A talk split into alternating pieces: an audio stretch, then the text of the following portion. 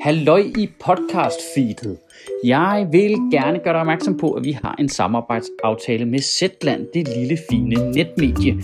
Det fungerer sådan, at hvis du laver et prøveabonnement i to måneder for 50 kroner, så donerer Zetland 200 kroner til Sjøtministeriet, og så kan jeg give folk løn. Er det ikke fedt? Du opretter et prøveabonnement på zetland.dk-ministeriet. Og så er der podcast.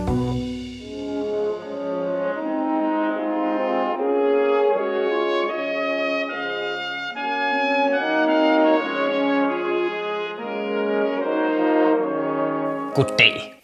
I Danmark har vi en lang, stolt tradition for kunstnerisk virke. Vi har opfostret folk som H.C. Andersen og Ludvig Holberg og Anna Anker og Dirk Passer og Søren Kierkegaard og Michael Strunge. Nu nævner jeg bare alle dem, der har påvirket mig.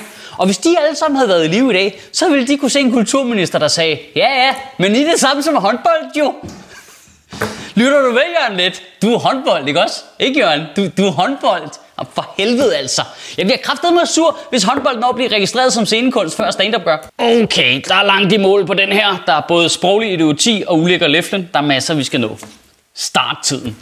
Socialdemokratiet og specielt vores kulturminister Joy Mogensen er blevet kritiseret for mildest talt at sidde på hænderne og ikke hjælpe store dele af kulturlivet gennem coronakrisen. Mette Frederiksen har på sin hvad, 400 pressemøder kun nævnt kulturlivet i en halv bisætning på vej ud af døren, og vores kulturminister øh, synes ikke, det var passende at snakke om kultur. Og for at det ikke skal være løgn, så sendte Socialdemokratiet også mindre rangerende minions ud og sige ting som, der er lige så meget kultur i en håndboldhal, som der er i teater, og det er muligvis den mest bøvede sproglige opstilling, du kan lave på det problem. Altså, om håndbold er også kultur, er det i hvert fald ikke en sport. Nej, håndbold er der også næsten en sport på en måde. Og, og, og teater, det er scenekunst, og den del af kulturlivet, det er jo det, man mener, når man siger det. Det er jo ikke, altså, sport, det, der er en grund til, at det har sit eget ord. Det er fordi, det er sport, det er pissefedt. Og øh, scenekunst, det, det er kulturlivet, og hele det der musik og gøjl og fyrt. Ikke? Og, altså, og er der så kultur inde i en håndboldhal? Ja, selvfølgelig er der det. Det er der over det hele. Der er masser.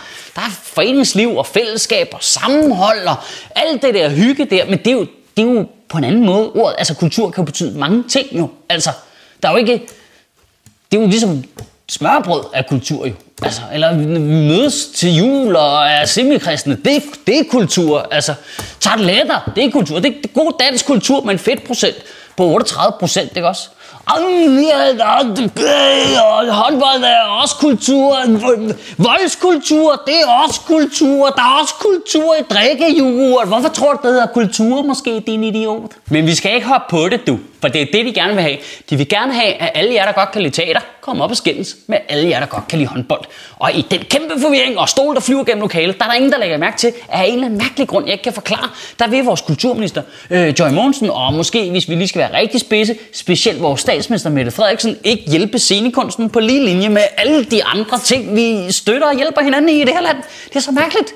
Under kulturministeriet, der kræfter med hjælpepakker til aftenskoler og højskoler, og festivalerne fik hjælp, og man laver særlige eksperimenter på stadions for, hvor mange kan vi få ind og se en fodboldkamp, og biografer, spillesteder, teater.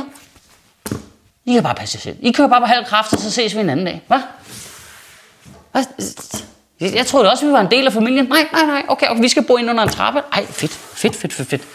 Altså at svare, håndbold er også kultur, når du bliver kritiseret for ikke at tage dig af noget af kulturlivet.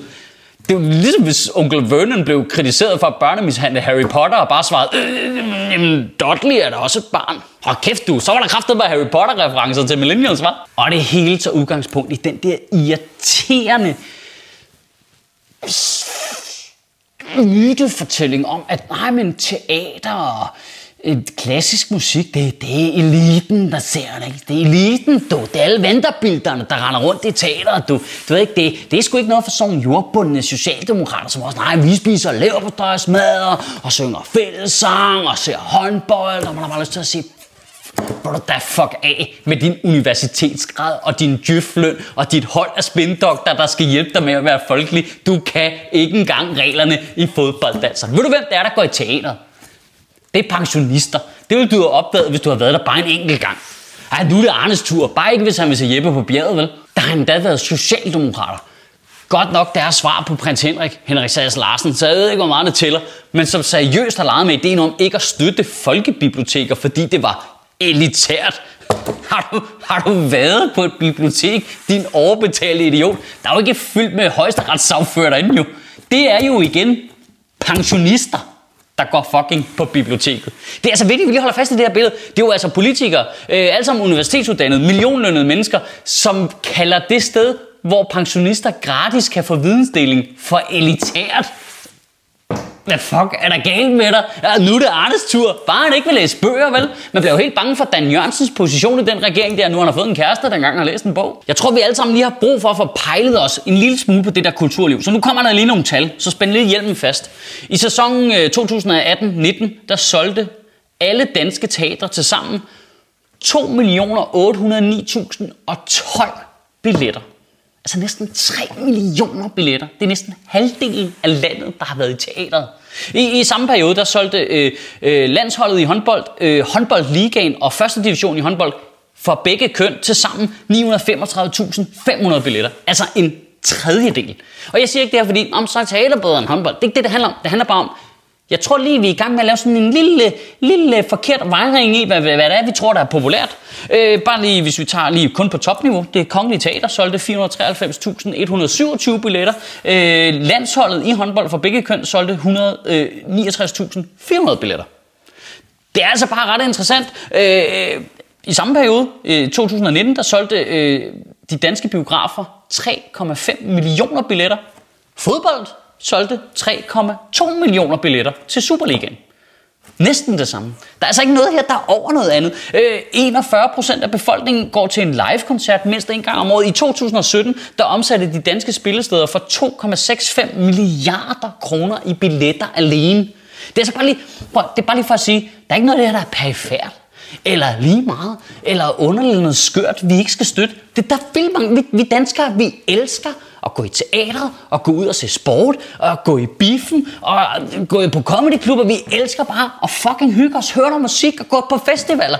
Så er det sgu da fuldstændig brændt af. Vi har en regering, der nægter at hjælpe en del af kulturlivet, bare fordi det er lidt øh, dårlig politisk branding. Og jeg tror, det er vigtigt at forstå, at der er jo ingen udøvende kunstner, der har noget som helst problem med, at man hjælper på sportsområdet, at man hjælper på højskoleområdet, at man hjælper på alle de der andre områder under Kulturministeriet.